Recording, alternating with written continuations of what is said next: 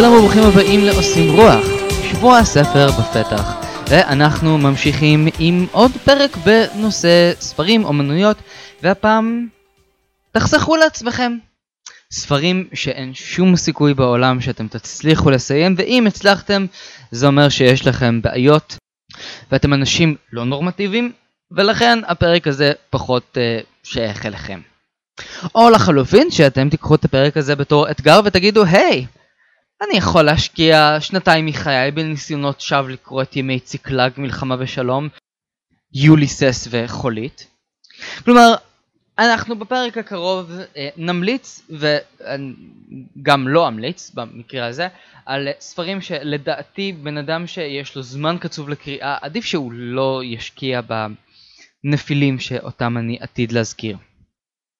נתחיל ממספר ספרים אני אתחיל ככה בתפסת מרובה ולמעשה אני מדבר על כל הספרים שפעם היו חייבים לקרוא אותם לבגרות קרי מלחמה בשלום, אדם בוברי, אנה קרנינה וכן הלאה. כל אותן יצירות מהמאה ה-19 בואכה המאה ה-20 שמתארות את המשפחות שחוות את המודרניזציה בפעם הראשונה עוברות מן הכפר לעיר ולראשונה חווים כל מיני דברים כמו מותרות וכרכרות ושומעים על משהו מוזר כזה שקוראים לו מסיבות ובתי קפה ולא מצליחים אה, להחזיק מעמד בכל העושר והגודש הנפלא הזה שנוחת עליהם ואז משתגעים.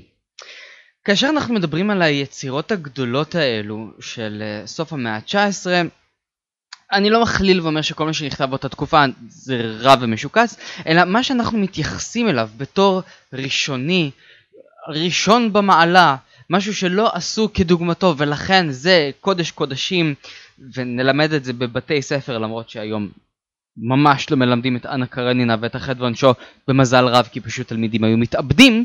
אבל כאשר מתייחסים ליצירות האלה בתור משהו שחובה לקרוא אותו מבלי שמבינים הקוראים את כל הרקע ההיסטורי ואת כל הראשוניות שיש שם זה פשוט מרגיש כמו רומן לרומניות, משהו כזה לא ברור. אם אני למשל אקח את המקרה בוחן של מדאם בוברי, אפשר לראות את אותה דמות של אמה שמתחתנת עם הרופא, שהוא לא חולם להיות רופא יותר גדול ונפלא בחיים שלו, אלא הוא רוצה לחיות את החיים הפשוטים והנפלאים שהוא כבר סיגל לעצמו. בינתיים אמה רוצה להשיג את הבלתי אפשרי עד שהיא מתחילה לבגוד בו עם כל דבר שזז, ובסוף מתאבדת כי היא מאבדת את עצמה לדעת.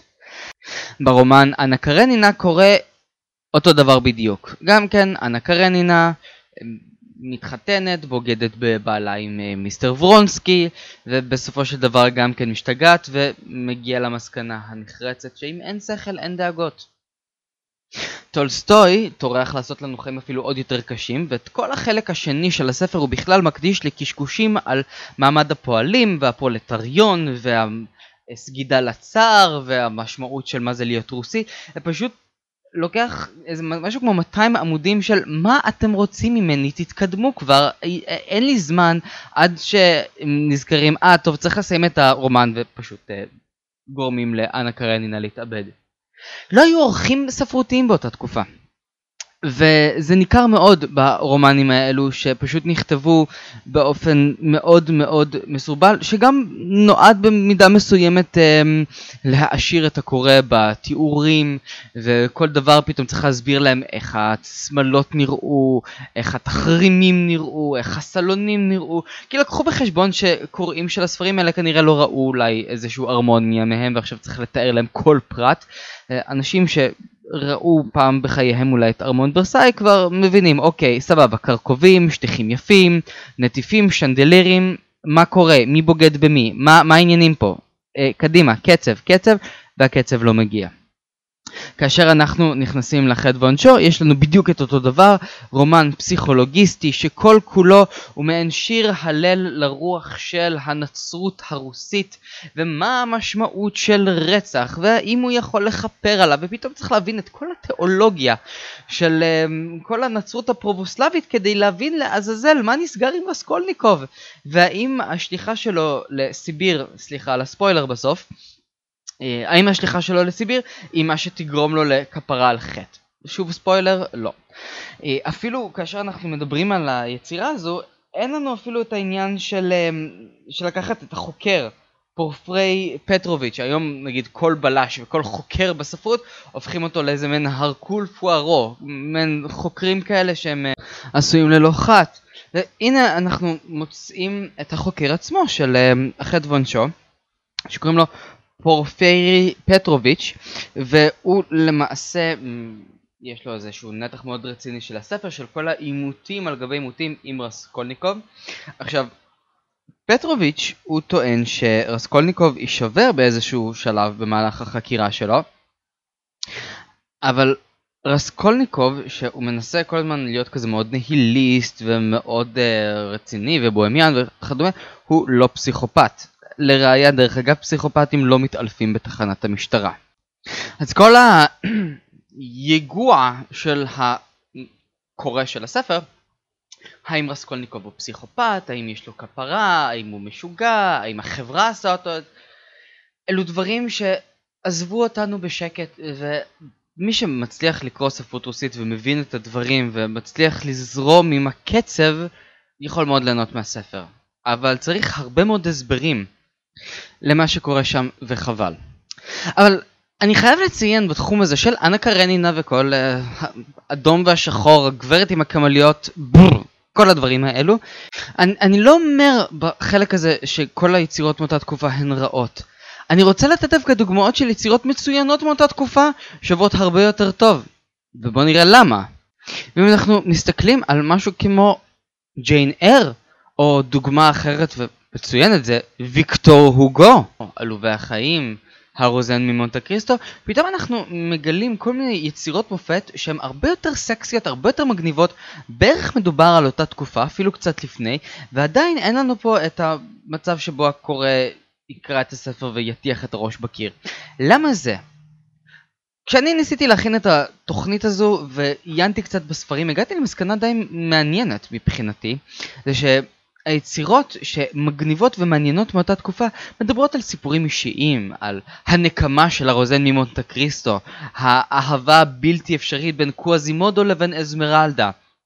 אמ, דברים כמו למשל הסיפור של פנטין וקוזט ועלובי החיים, דברים שהם נורא נורא אישיים ואפשר להזדהות איתם עד היום.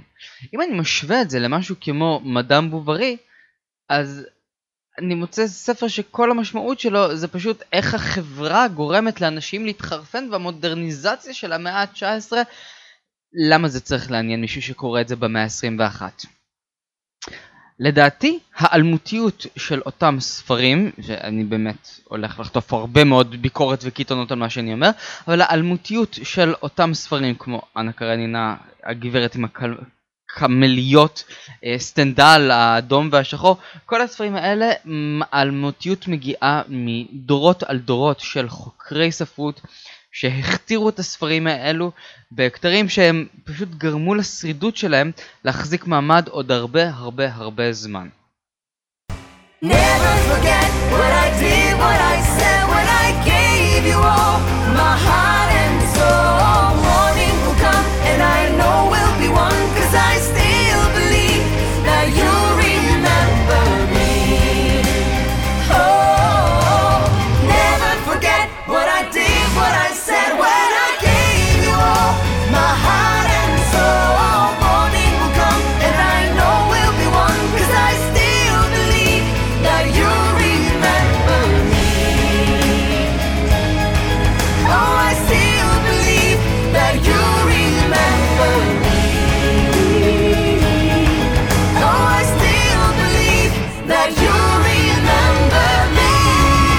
לא אסתפק בלהשמיץ את הספרות של אותה תקופה, חשוב לי גם מאוד לומר שגם התיאטרון של אותה תקופה הוא תיאטרון שהיום מאוד מאוד קשה לו להחזיק מעמד על במה. אם אני אקח למשל שני מקרי בוחן של איבסן, מחזאי נורבגי, שמאוד מעריכים אותו ולומדים אותו בכל פקולטה שמכבדת את עצמה לענייני תיאטרון. אני אקח דוגמה למחזה שעלה בארץ המון פעמים, בית הבובות.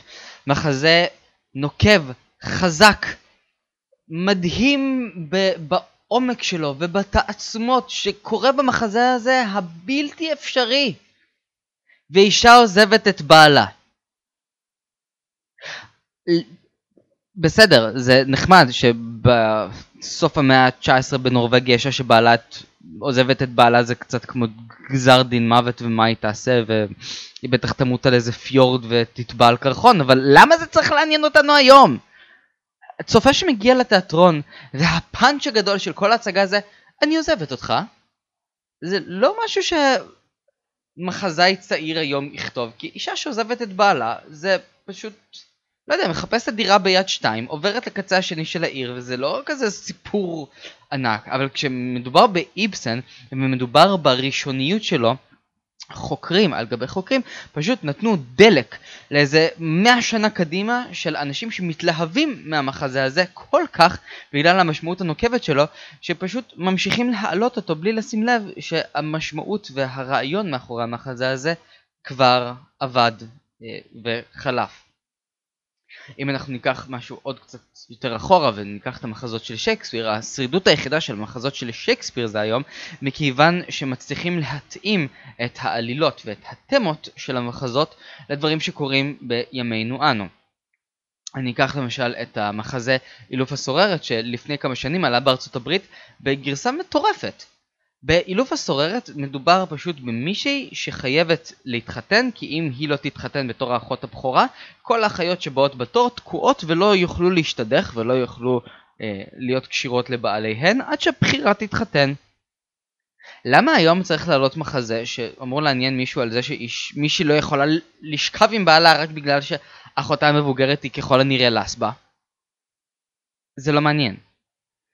אז בגרסה למשל לאחרונה שערכו את זה ב... אני ראיתי את זה בשיקגו, אבל פשוט לקחו את זה לתוך תחום של מאפיה. ובמאפיה, אם האבא אומר שהבחורה הראשונה, הילדה הראשונה במשפחה צריכה להתחתן, היא תתחתן, ורק אחרי הילדה השנייה ורק אחרי הילדה השלישית, וכן הלאה. כלומר, אם שייקספיר קצת למדו לעשות את האדפטציות, למדו לקצר. המלט במקור היה חמש שעות, היום זה רק שעתיים וחצי, רחמנה. אבל לדעתי, אם צריך, אם רוצים לשמור על שרידות של מחזות כאלה, פשוט צריך לעשות עבודת עריכה מאוד מאוד קשה. גם ספרים, למשל ניקולס ניקלבי, יצחק לבנון כשהוא תרגם את הספר, הוא קיצר. הוא עשה דבר מאוד חכם שעירית לינור שתרגמה את הספר לפני כמה שנים לא עשתה, ופשוט נתנה לקורא נפיל של כל הטיוטה הבלתי פוסקת של, דיוויד, של צ'ארלס דיקנס עם כל הרפרנסים והמחיקות והשכתובים והכל פשוט בלתי קריא למרות שהספר מדהים בגרסה מקוצרת. אז אה, זה החלק הראשון של הפרק. סופית דברים שהיו נפלאים ונהדרים לשעתם אבל היום אפס לא ממש מצליחים. ואני עובר החלק הבא והחלק הבא מדבר על מדע בדיוני ופנטזיה Snow has left in a blanket, erasing the traces. Bravely they together with spring in their faces. He and his wilderness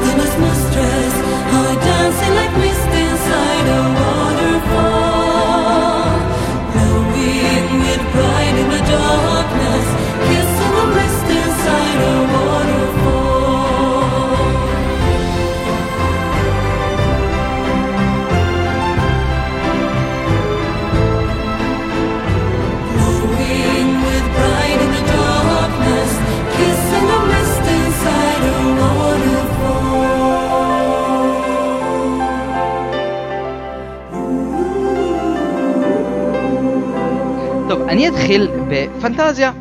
אני רוצה להתחיל במחזור כישורי הזמן. מחזור כישורי הזמן נתפס על ידי uh, קוראים רבים בתור התחליף האולטימטיבי למשחקי הכס. סדרת הספרים שנכתבה לפחות ההתחלה שלה על ידי רוברט ג'ורדן מתארת איזשהו עולם בדיוני שיש שם כמובן כל מיני עניינים של ממלכות וריבים ואיזשהו דמוי פוליטיקה של ימי הביניים עם קצת יותר אה, טכנולוגיות מרושעות של קסמים ודרקונים ומחשבים. אה, כיאה לספר מתעסק בפנטזיה. אבל, מה קורה לסדרת הספרים הזו, שאמורה להיות קלה מאוד ומתאימה לכל בן תשחורת עם הרבה חדשקונים? חבר'ה אה, שמאזינים לפרק, אני יודע שאתם הייתם כאלה, כי אחרת לא הייתם מאזינים לפרק בפודקאסט על יצירות שאין טעם לקרוא אותם. אבל אתם הייתם כאלה, ובטח נתקלתם ברוברט ג'ורדן באיזשהו שלב של חייכם. אז יפה, אז יש לנו את הספר הראשון שמדבר על כל הדברים הנפלאים של אה, ממלכות ועניינים וכוספים, ואני לא באמת קראתי את הספר הזה, אבל לפחות מהביקורת הגדולה שאני מצאתי, אה, קרה מה שקורה להרבה סופרים שבוראים עולם ויוצרים אה, חוקים שלמים וממלכות שלמות והיסטוריות חלופיות, בספר השני ובספר השלישי והרביעי הם מתחילים להקדיש יותר מדי זמן לתיאורים מפרכים ומשמימים לגבי כל העולם הזה שהם בראו. וזה לא עובד.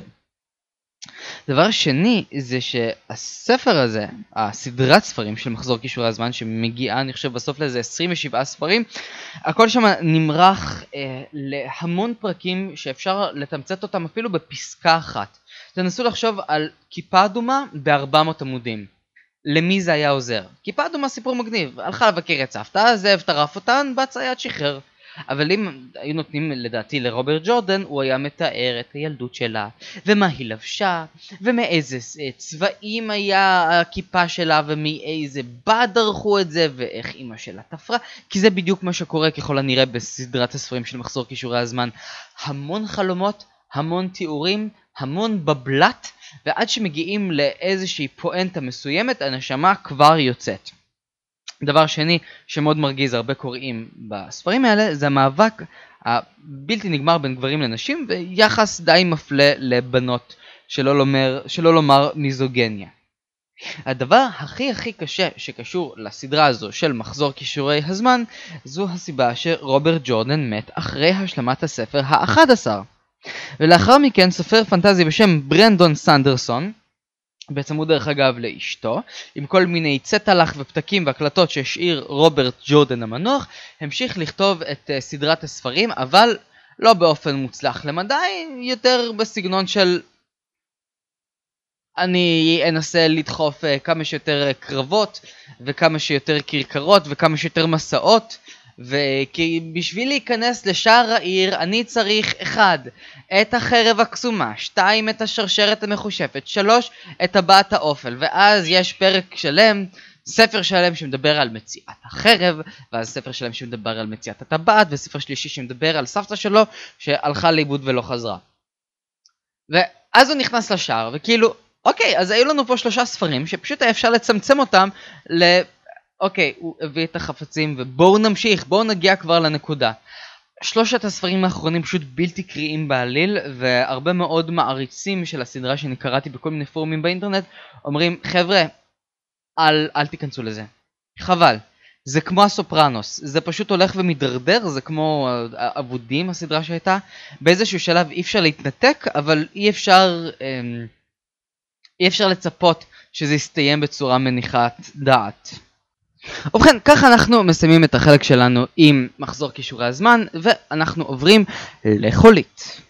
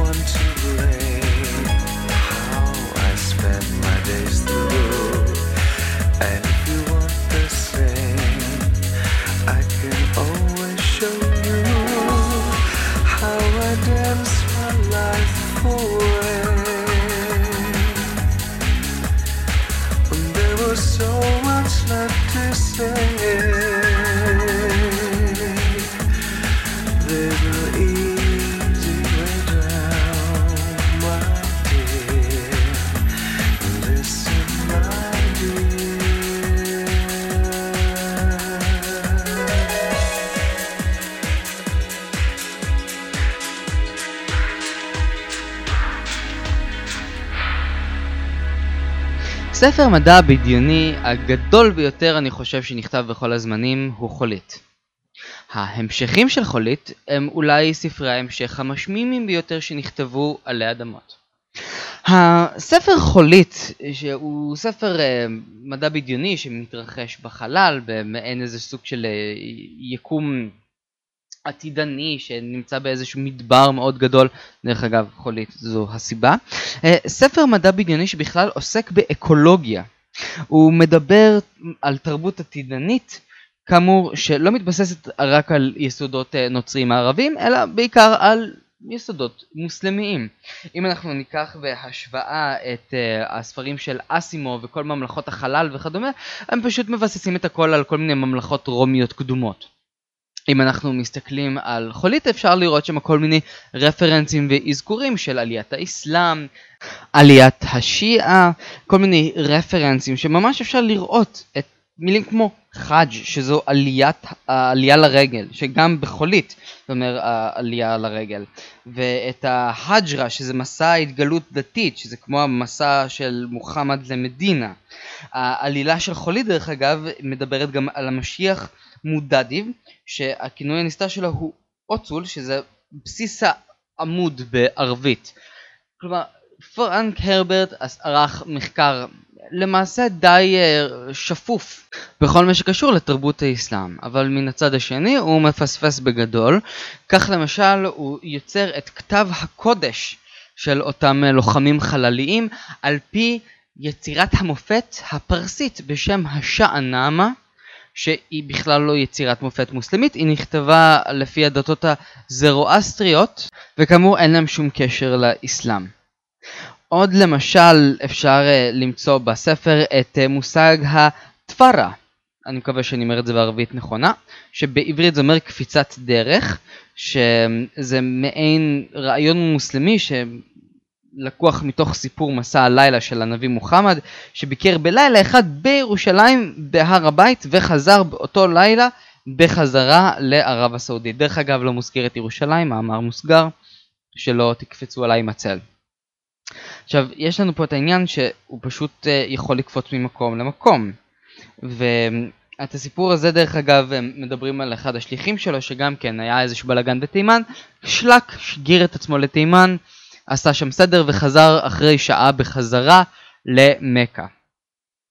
בחולית לקחו את העניין הזה של לשגר אנשים ממקום למקום כמו שעשה הנביא מוחמד בצורה הרבה יותר פשוטה. אה, תחשבו על היקום בתור כף יד.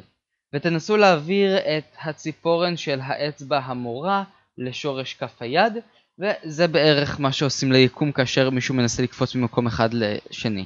פשוט מכופפים את היקום כמו שמכופפים את כף היד לאגרוף ואז אפשר להגיע מקצה אחד לקצה השני.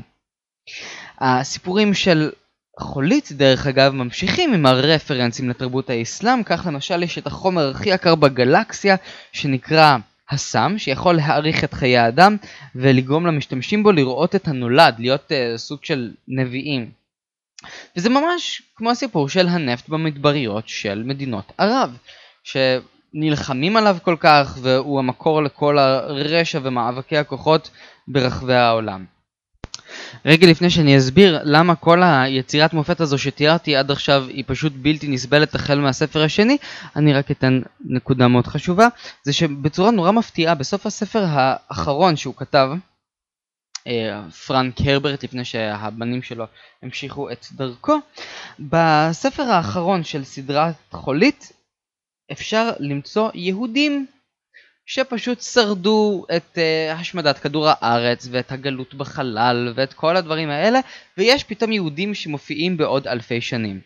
אבל כאן קורה סוג של מהפך בספרים הבאים של חולית אם זה משיח חולית, ילדי חולית, ספרים שפשוט נכתבו בלחץ של מעריצים או בלחץ של ההוצאה לאור אבל הדיוק שהיה בספר הראשון פשוט נעלם בספרים הבאים והמאבקים ההירואיים של הספר הראשון פשוט הופכים להיות למעין מערבוני ספגטי בספרים שלאחר מכן.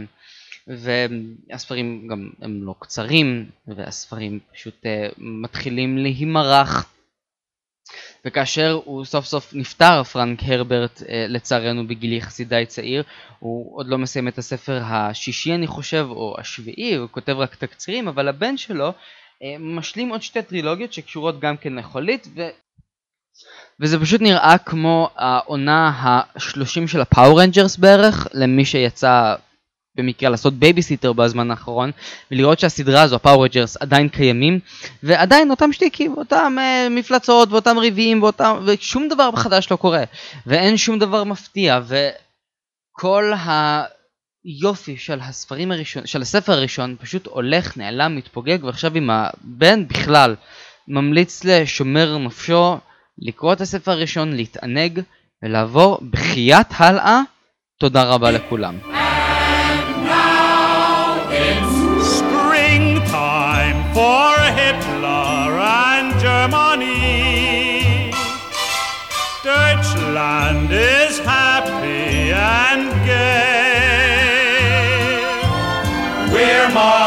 Marching to a faster pace. Look out, here comes the master race.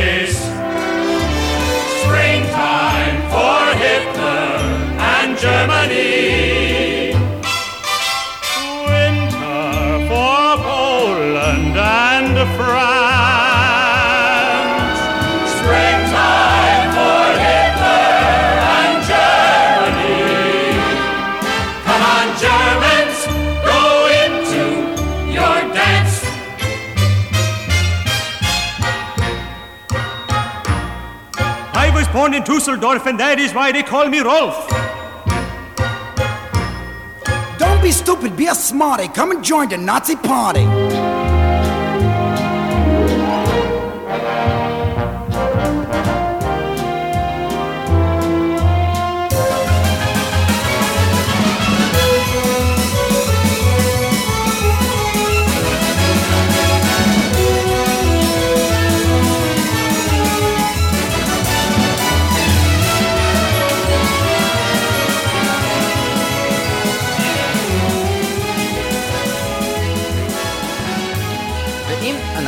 מדברים על uh, סיפורים שלא נגמרים.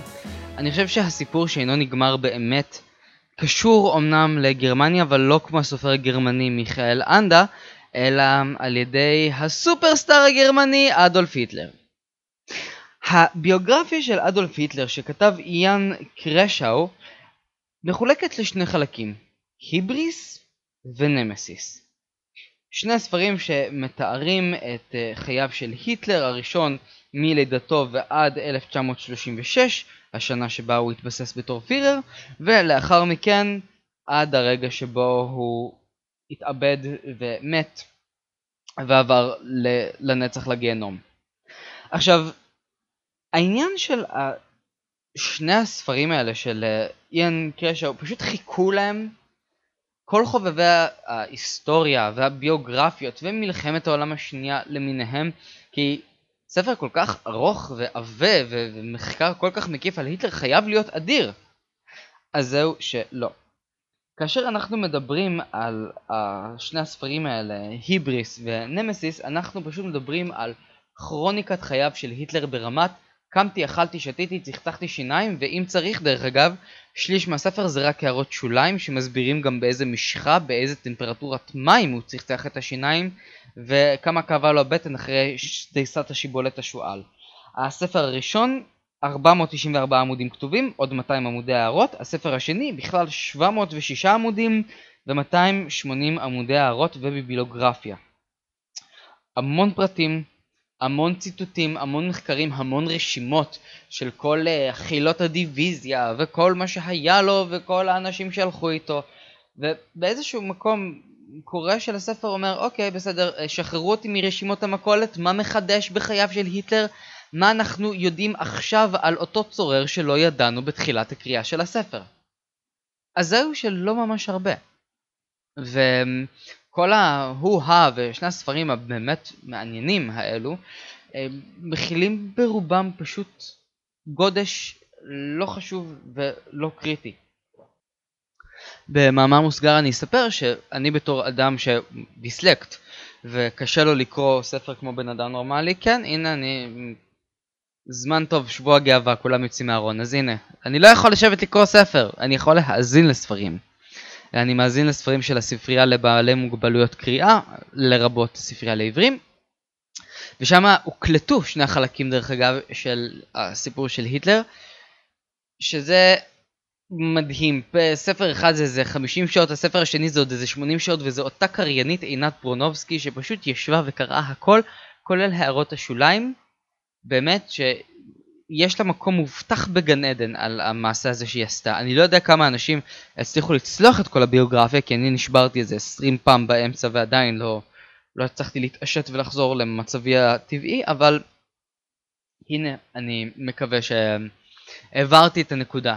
לכו ותקראו את הביוגרפיה של היטלר, יהיה לכם מעניין. טוב, אמ, ועכשיו אני פשוט אומר שגם אנחנו יודעים לפרוש באמצע, בשיא, אבל זה לא הכל. סיימנו את החלק הראשון